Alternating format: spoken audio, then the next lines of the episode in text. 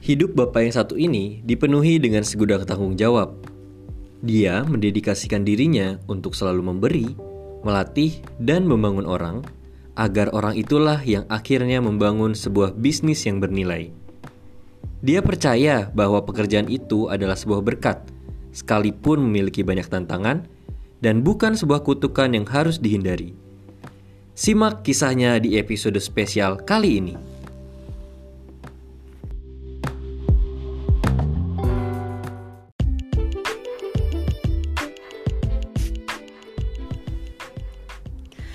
Hai sahabat LSI, selamat datang di podcast LSI Stories Season 4 Ngos-ngosan Bareng Aji Rafdi dan, Julian Desvi.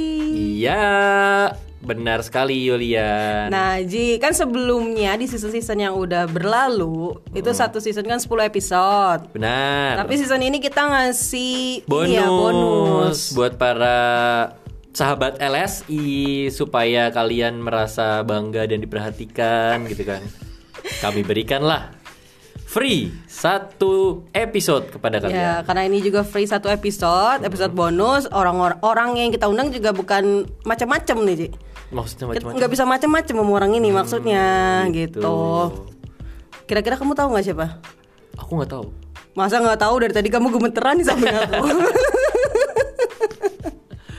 Jadi siapa Yul tamu kita? Ini adalah bapak yang selama ini namanya sering disebutkan. A- ada yang nyebut bapak you know who, ada yang bilang bapak mentor, ada yang nggak nyebut namanya tapi pakai kutipan kata-katanya. Iya benar. Ada yang bilang bapak kos. Iya, pokoknya sebenarnya udah sering dimention lah ya. Benar. Makanya kita datengin jauh-jauh. Benar benar benar. Langsung saja kalau begitu. Ya, the one and only. Selamat datang Bapak Desmond. Selamat datang. Kok selamat datang juga, terima kasih dong. Ah, ini kan ngetes, ngetes. Arti- Aware ya? Ya, aware. Aware, Kan masih aware. aware. Kan- Kan, kalian tenaga pengajar. Hmm. Ya, empati dong kalau muridnya melakukan kesalahan. Iya iya iya. So, so- Belum mulai udah disuruh empati coba dong, selamat datang. So, seharusnya saya sebagai muridnya harus bilang apa? Koreksi dong. Terima kasih. Oh, gitu. Iya. gitu loh pak. Eh, Kira-kira sekarang bapak mau ngapain nih pak di podcast kami? Ah, saya tidak tahu. Observasi atau mau ngapain? Kan katanya ini episode Episode eh, gratisan. Iya. Ini episode spesial kita mau, eh, kami mau sahabat LSI itu tahu sebenarnya siapa sih orang yang eh, kata-katanya tuh sering dimention ya sama guru-guru kayak, sama staff kayak semuanya. Dan Bapak ini tuh adalah orang yang berada di balik layar dari LSI Stories. Ya, jadi scripting semuanya sebenarnya bapak ini yang bikin guys. Kita kami berdua itu cuma numpang ngomong. Kita cuma baca nih. Oh, ini numpang harus ngomong sama numpang ngak ngakak ya. Ya, bener bener. Eh dong Pak, dikenalin dirinya siapa? Oke, nama saya Desmond. Oke, saya mm, di LSI hampir tiga tahun sekarang. Uh, lama ya. Laman kamu apa Pak Desmond? Lama aku. Oke, so uh, pertama kali di LSI saya sebagai tenaga pengajar seperti uh, kalian berdua.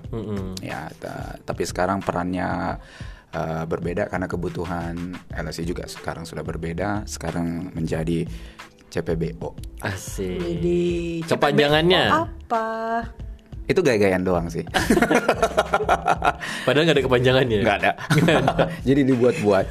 So itu Chief of People and Business Officer. So basically orang yang mengurusin uh, uh, orang dan bisnisnya di waktu yang bersamaan. So you lead the people and take care of the business.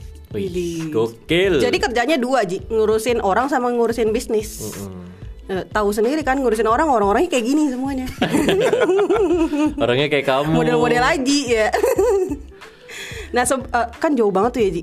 Dari awalnya itu tenaga pengajar sekarang sampai ke chief CPBO. Jadi sebelumnya itu setara sama kita kan? Tadi setara. Instruktur. Instruktur senam. Sekarang karirnya meroket. Hmm, benar. Nah, makanya sekarang kita mau ulik nih. Kenapa sih bisa meroket? Emangnya ada pengalaman apa Bapak iya, sebelum apakah lewat jalur belakang atau lewat apa? apa orang dalam, apa jalur samping, jalur samping. apa nyantet payan. Gak ada yang tahu Yul. Bener banget. Tapi sebelum melanjut ngomongin karirnya, Heeh. kamu penasaran nggak Pak Desmond tuh sebelum dari LSI itu ngapain? Iya, iya. Coba Pak diceritakan sebelum bekerja di LSI atau bahkan dari zaman kuliah atau SD SMP boleh? Kejauhan Ji.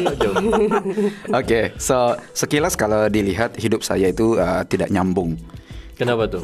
Ya kuliah. Kayaknya yang masuk LSI nggak ada yang hidupnya nyambung. Ya, ya. Jadi saya menambah list itu ya. Saya kuliah saya jurusan hubungan internasional. Tapi kerja sebagai tenaga penjual di sebuah bank. Setelah Dulunya. dulunya, setelah itu saya uh, resign nggak uh, nggak betah. So banting setir menjadi volunteer di sebuah yayasan yang bantu proses pemulihan uh, tsunami di Mentawai. Hmm. Lalu setelah itu uh, saya tidak pernah bekerja di sebuah perusahaan lah, uh, apa pun, tapi saya memilih untuk bekerja dengan teman yang memiliki bisnis yang berbeda-beda.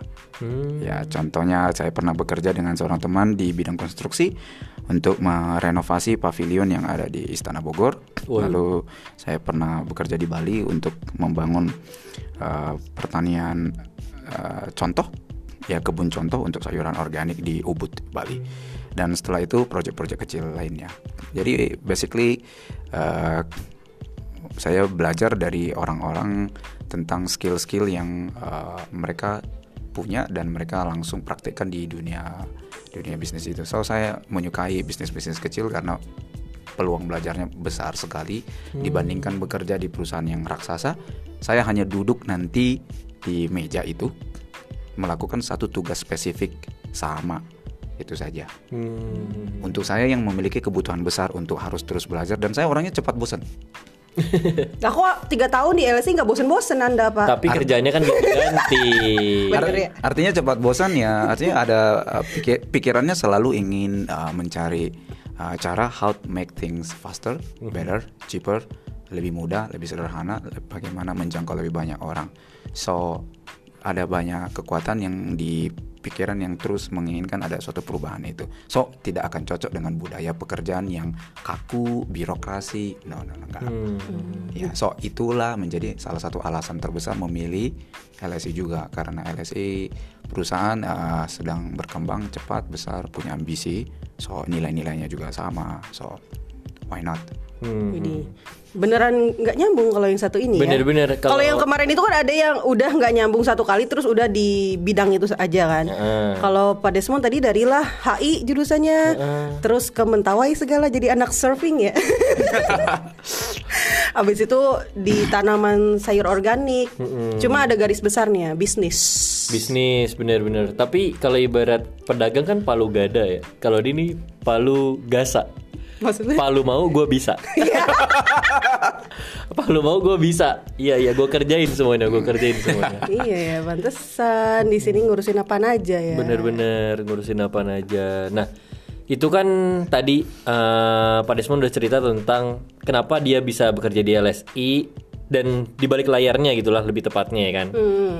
Nah, sesudah ini nih, kita langsung aja nih masuk ke bagian kenapa sih eh, dari apa ah, bukan kenapa sih? Apa sih pekerjaan CPBO ini? Tanggung jawabnya apa aja dan target-target yang mau dicapai itu apa aja? Oh iya benar ya. Sama suka dukanya Yul. Nah iya, karena ngurusin orang-orang tuh pasti banyakan dukanya daripada sukanya. Bener-bener ngurusin aku. iya benar, kamu doang yang bikin duka. Ngurusin sorry. kamu. Baiklah kita maju ke segmen selanjutnya.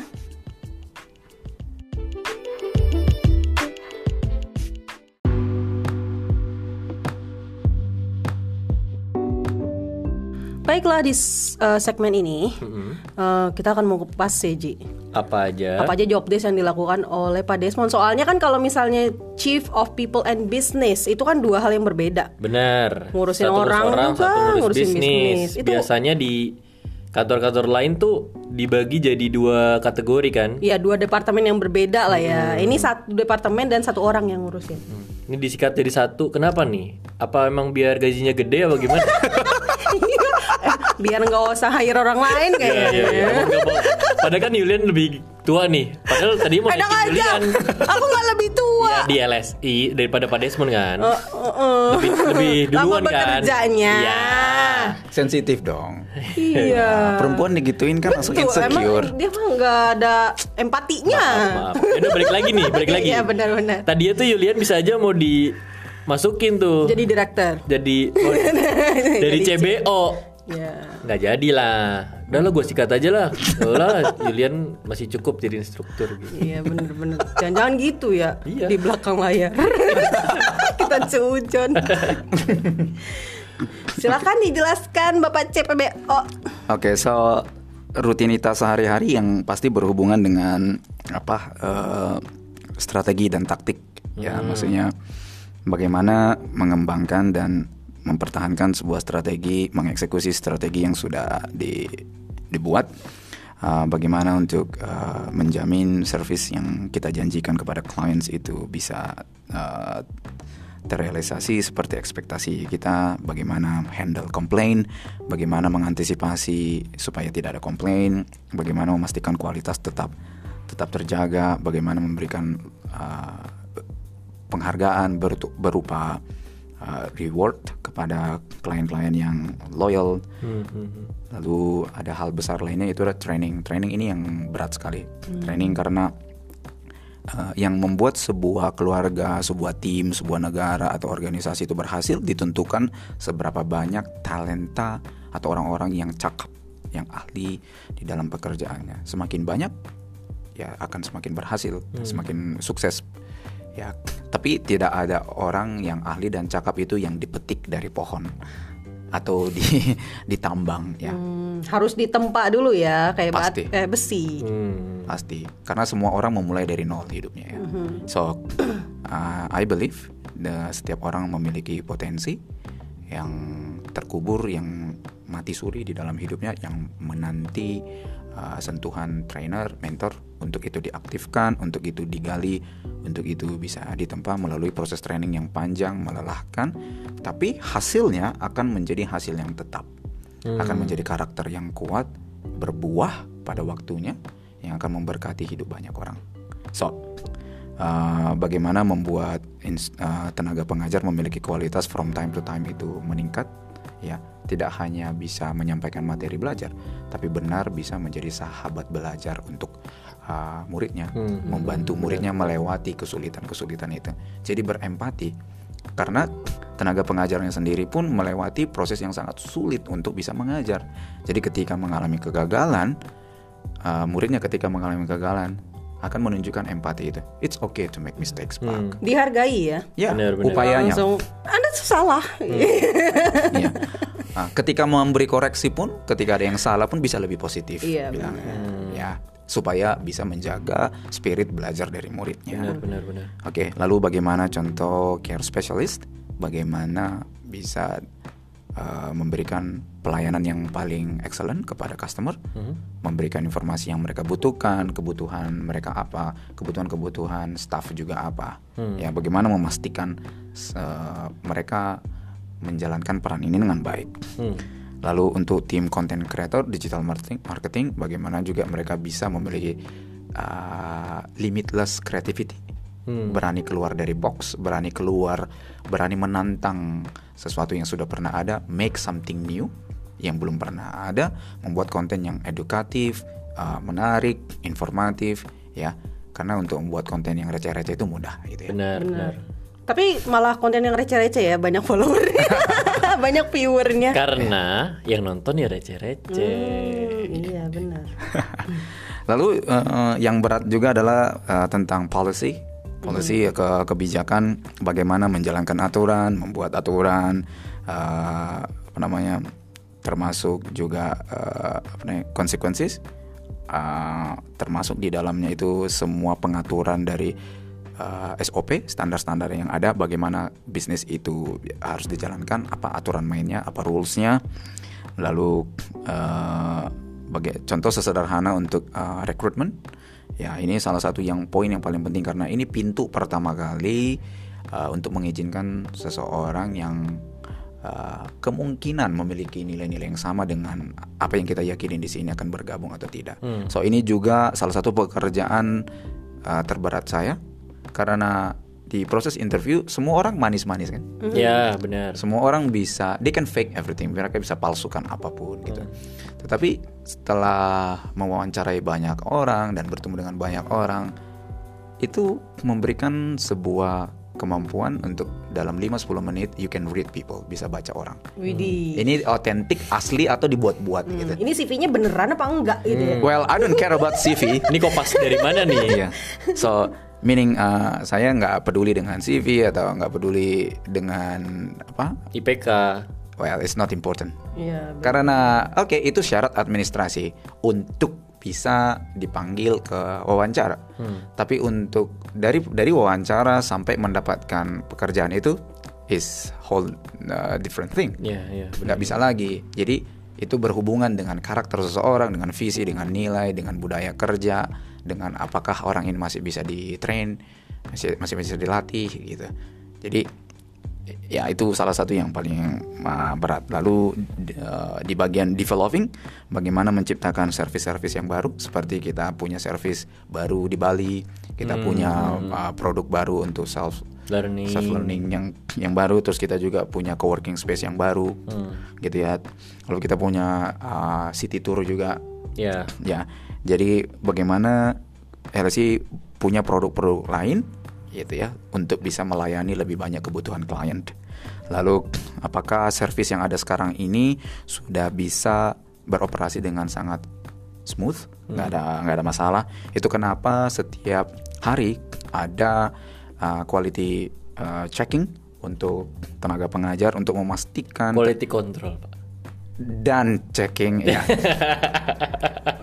ini yang kalian rasain selama ini ya. Oke. Iya ya, kenapa saya bilang quality checking ya? Kan ikutan Yulian sih. Oke. Yulian emang sering ngomong Iya. gitu. Oke. Haji nyalain mulu. So, quality control untuk mengecek. Tetap aja ujung-ujungnya ngecek ya, ya. ya untuk mengecek apakah setiap orang, setiap tenaga pengajar itu berpegang kepada prinsip pengajaran yang sudah kita uh, standarkan. Ya. Begitu juga dengan uh, departemen lain apakah meng- benar-benar mengikuti uh, standar-standar uh, pengerjaan dari uh, tugas-tugas yang sudah ada. Lalu mengurusin masalah kompetisi ya bagaimana bisa bersaing dengan hmm, perusahaan lain, bagaimana dari waktu ke waktu bisa bertumbuh, eh, bisa m- mendapatkan lebih banyak pangsa pasar, bagaimana mempertahankan eh, klien yang sudah ada, bagaimana membangun loyalty mereka dan bagaimana mempelajari strategi eh, kompetisi kompetitor supaya bisa eh, selalu menjadi hmm, yang terbaik di di industri ini. Ya. So uh, yang terakhir salah satu rutinnya adalah masalah mengurus infrastruktur. Infrastruktur kantor ya. Karena LSI punya tiga kantor sekarang satu di Bali dua di Jakarta. So uh, ada banyak pekerjaan. Tapi pekerjaan yang paling sulit itu pasti yang berhubungan dengan people how to train people Berarti itu tantangan terbesar dari sekian banyak list yang Bapak sebutin tadi. yes Karena memang kayaknya semua dari dari yang tadi Pak Desmond sebutin, semua orang-orang yang sudah pernah kita undang di season ini, mereka semua ada di dalam departemen yang diurus sama beliau ya. Iya, yang nggak ada yang enggak. Bahkan Pak Oh, kalau Pak Bayu dan Pak Desmond kan berdampingan ya. Iya, sama-sama chief ya. Hmm. Nah, jadi kalau misalnya dari sekian banyak hal tersebut Bapak bilang orang nih yang paling susah diurus. Kenapa, Pak? Orang itu kan fleksibel. Enggak, kamu habis ini ngaca aja Yul. Gimana tingkah kamu gitu. Karena ah, aku- ya, aku nggak nanya itu karena aku do- sadar. Aku doang yang ngaca, kamu nggak usah ngaca. Aku udah sadar makanya aku nggak nanya itu. Ya daripada kita asumsi, mending kita tanyain. Hmm. oke Siapa yang paling bikin repot? Iya. Aduh. Oke, so yang yang menarik tentang manusia eh, bekerja dengan manusia, you have to know them one by one, ya, one by one, you have to know them. Karena ketika dulu saya tenaga pengajar, masalahnya kan masalah saya saja kan, Hmm, masalah Bapak di dalam kelas dengan Iya, murid. murid. itu saja. Nah sekarang masalah semua orang masalah saya. Nah iya makanya kalau kita bikin masalah itu berarti bukan masalah kita sendiri Ji. Iya. Ujungnya pasti ke sini nggak mungkin nggak gitu jadi contohnya uh, contohnya uh, saya memberikan target pagi gitu ya terus nanti sore ini pak udah selesai nah itu kan selesai yang dia kerjakan kan saya harus bawa pekerjaan itu ke uh, ke, ke tempat yang lain ini strateginya seperti apa gitu. jadi uh, yang paling sulit adalah resistency for- to change so naturally secara alami manusia menolak untuk berubah. Hmm. So jarang sekali ada manusia dengan rela dan uh, sengaja memilih untuk berubah. Jarang. Ya soalnya kan kayak mikirnya, ih aku tuh udah nyaman begini, Iya. aku tuh nggak mau berubah. Benar-benar. Tetapi itu kenapa yang uh, cara pandang saya terhadap masalah itu sudah drastis berubah. Masalah salah satu anugerah yang terbaik di dalam hidup kita. Karena kalau nggak ada masalah, kita nggak akan pernah keluar dari jebakan itu. Yang berpikir we are good, we are fine. No, gitu. So atau cepat puas. Kerja dikit mau gaji banyak. Hmm, mau iya. kerja gini how can you change your life your family kalau hanya kerja seperti mentalitas karyawan 8 jam satu minggu you cannot change anything with that mentality. Karena masih oh ini kan kerja ini kan hidup. No it's wrong. Life is work. Hmm, hmm, hmm. so di LSE there is no separation for work and life. My life is my work. My work is my life. Karena apa? Kalau mentalitas ini nggak diperbaiki apa pun pekerjaannya sesederhana apa pun pekerjaannya ini akan menjadi beban Ya. karena dilihat dari kacamata bekerja adalah kutukan kerja itu nggak enak kerja itu capek Hmm, Tetap- akhirnya ini ya nanti apa nyari itu pak apa eh, apa sih yang orang-orang bilang eh, kerja Pelarian. kerja mulu kapan Liburan. Ah, kerja Oh. mulu kapan liburan gitu. Ya, padahal kan sebetulnya uh, ketika mindset kita ini sudah penuh dengan racun seperti itu tadi, ya kita gagal melihat berkat yang disediakan dari uh, dari training yang atau dari pekerjaan yang sedang kita lakukan. Contoh contoh sesederhana uh, contoh sederhana masalah gaji.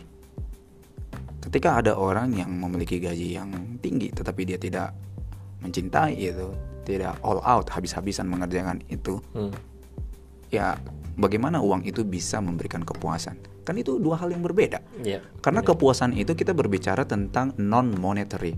Itu kan bukan kepuasan itu enggak sedang Tidak tidak ngomongin uang. uang, kan. That's a feeling. Uang itu benda mati. Gitu. Itu kan hanya alat saja untuk mencapai sebuah goal yang sudah ditentukan. So pertanyaannya sekarang it's not how much money do you have, but what will you do with that money? Seperti LSI sekarang dengan krisis yang ada hari ini, apa yang dilakukan LSI? Ya, memberikan lebih banyak investasi kepada the people. Because we believe uh, tugas kami adalah untuk membangun manusia dan manusia ini yang akan membangun bisnis itu sendiri. So kalau tenaga pengajar itu bisa mengenali dirinya, mengenali tujuan hidupnya, mencintai uh, apa yang dia lakukan, bangga dengan apa yang dia lakukan, take pride untuk apa yang mereka lakukan, mereka akan melayani murid-muridnya dengan baik. Begitu juga dengan uh, care specialist, content creator, uh, departemen yang lain. So untuk saya bekerja itu adalah berkat. It's not a, it's not a curse. Itu bukan kutukan. It's a berkat. Itu adalah ekspresi saya. Ekspresi dari kecintaan saya terhadap sesuatu. Itulah cara saya bisa menunjukkan kepada orang lain. This is what I can do. This is my potentials. Ya, so itu cara terbaik untuk memberkati hidup orang lain dengan berbagi. So work is really really good. Jadi meskipun tadi tanggung jawabnya semakin banyak dan bertambah, Mm-mm. Pak Desmond menyikapinya sebagai berkat. Jadi, jadi kamu kalau kebanyakan project take Berkat. it as berkat. Ya benar, benar. Karena memang ya lama kelamaan walaupun sebelum masuk dari sini pemikiran saya ya ibaratnya bertolak belakang dengan apa yang Pak Desmond sampaikan tadi gitu loh. Hmm, sekarang masih bertolak belakang kan? Ya lama-lama tuh tapi udah mulai berubah gitu loh. Ini udah setengah tahun ya lama kelamaan tuh udah mulai Ya saya ngerti kalau sebuah pekerjaan itu adalah sebuah pembelajaran baru bagi saya Ya, bukan beban ya. Bukan beban Hmm, gila Aji udah mulai dewasa Aji nih. Sama kayak kamu. Kebanyakan temenan sama aku emang kayak gitu orang-orang jadi dewasa. Percaya Dewasa sebelum waktunya Nah di segmen terakhir nih, segmen penutup, eh, seperti biasa kita bakalan minta narasumber untuk memberikan eh, pesan dan kesan Hmm. selama berada di studio kami yang mewah ini dan untuk sahabat LSI. Boleh ya Pak? Boleh boleh. Sip, kita lanjut ke segmen selanjutnya.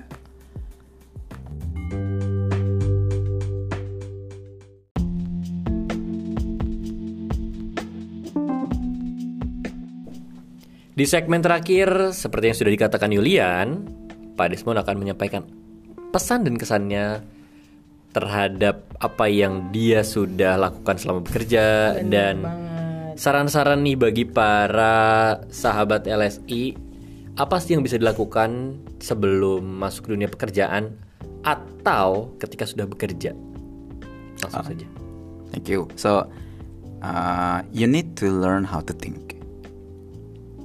You need to learn how to learn, and you need to you need to learn how to unlearn. Harus belajar bagaimana berpikir,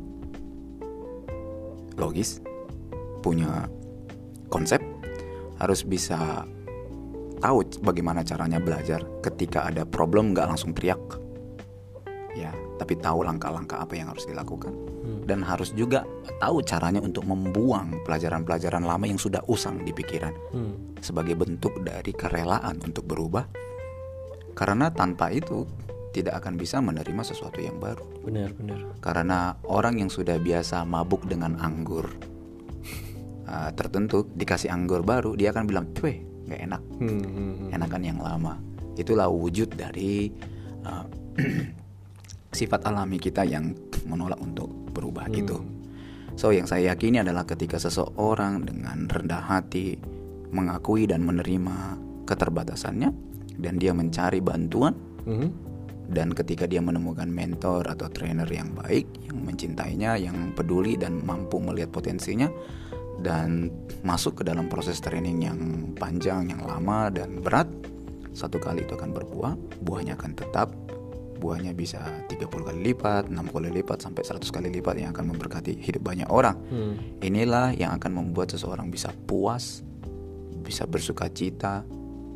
Ya jadi hidupnya akan menjadi jawaban untuk banyak orang. So again untuk eh, ya, ya, sahabat LSI yang mendengarkan ini Mhm. ya apa masa depan penuh harapan. Jangan takut untuk mencoba ya beranilah ya mengambil keputusan make decisions today. Ya berani untuk mengambil resiko eh, kenali dirinya.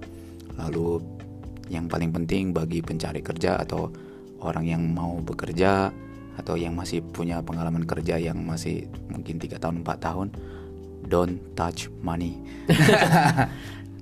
Udah jangan sentuh uang. iya kan kalau gajian artinya- didiemin aja aja. Art- artinya artinya nggak literal gitu ya. Oh, gitu Nah, memang. itu hanya ekspresi. Artinya uh, saya klarifikasi ya. Takutnya salah ditanggapi nanti. gitu.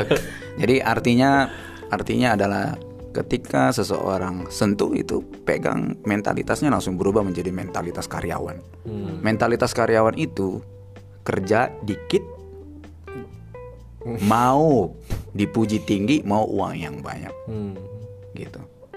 Karena sebetulnya belum perlu anak muda itu belum perlu itu. Anak muda itu perlu belajar, Hmm, pengalaman ya. perlu benar-benar belajar. Dan bentuk belajar itu tidak selalu diukur dari ukuran uang. Ya, No. benar sekali Karena uang itu satu hal, karakter itu hal yang lain. Karena sesederhana hidup lebih berharga daripada baju. Hmm. Rasa kenyang itu nggak lebih berharga daripada kepuasan hidup.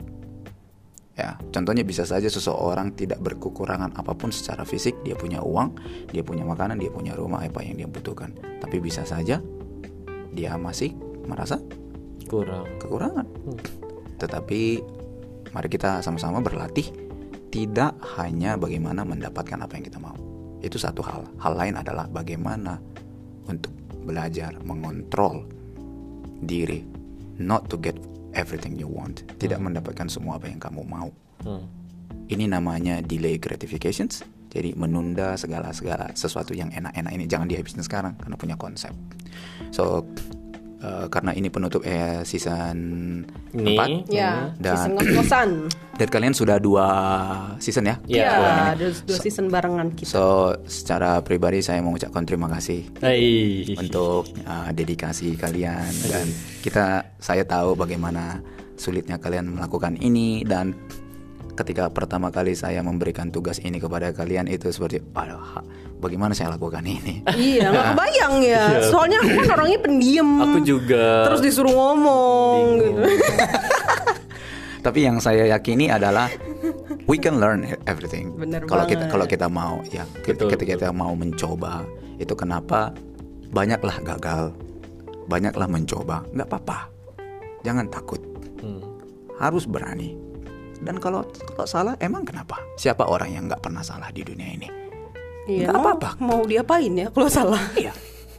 Hanya tinggal bagaimana kita dari waktu ke waktu memperbaiki mentalitas kita menerima respon. Ya jangan dikit-dikit baperan. Hmm. Tapi harus ditanyakan orang itu ngomong kayak gitu ke saya, apa sih kontribusi saya? Kenapa dia berbicara seperti itu? Hmm. Enggak hanya langsung menuduh orang, ah kamu harusnya memperlakukan aku seperti ini. Well, simple. Kalau kamu mau dihormati, Hormati hormatilah orang orang lain. Kalau kamu mau dipuji orang lain pekerjaanmu, buatlah pekerjaan yang excellent. Hmm. Simple sebetulnya. So uh, saya tidak sabar menunggu hasil buah kerja kalian nanti di season berikutnya. So overall terima kasih sudah uh, uh, memberkati hidup kami semua yang mendengarkan ini dan kami juga banyak belajar dari podcast ini. So semoga tidak hanya kami yang mendengar belajar, tapi kalian juga semakin lama semakin uh, mengenali diri kalian, mengetahui tujuan hidupnya, semakin matang konsepnya, dan semakin uh, bisa fokus, tidak banyak distraction. So I'm really proud of uh, being one of your uh, team, ya. Dan peran itu kan kita ini setara di LSI, setara. Struktur organisasi oke I'm your boss. Tapi it's not important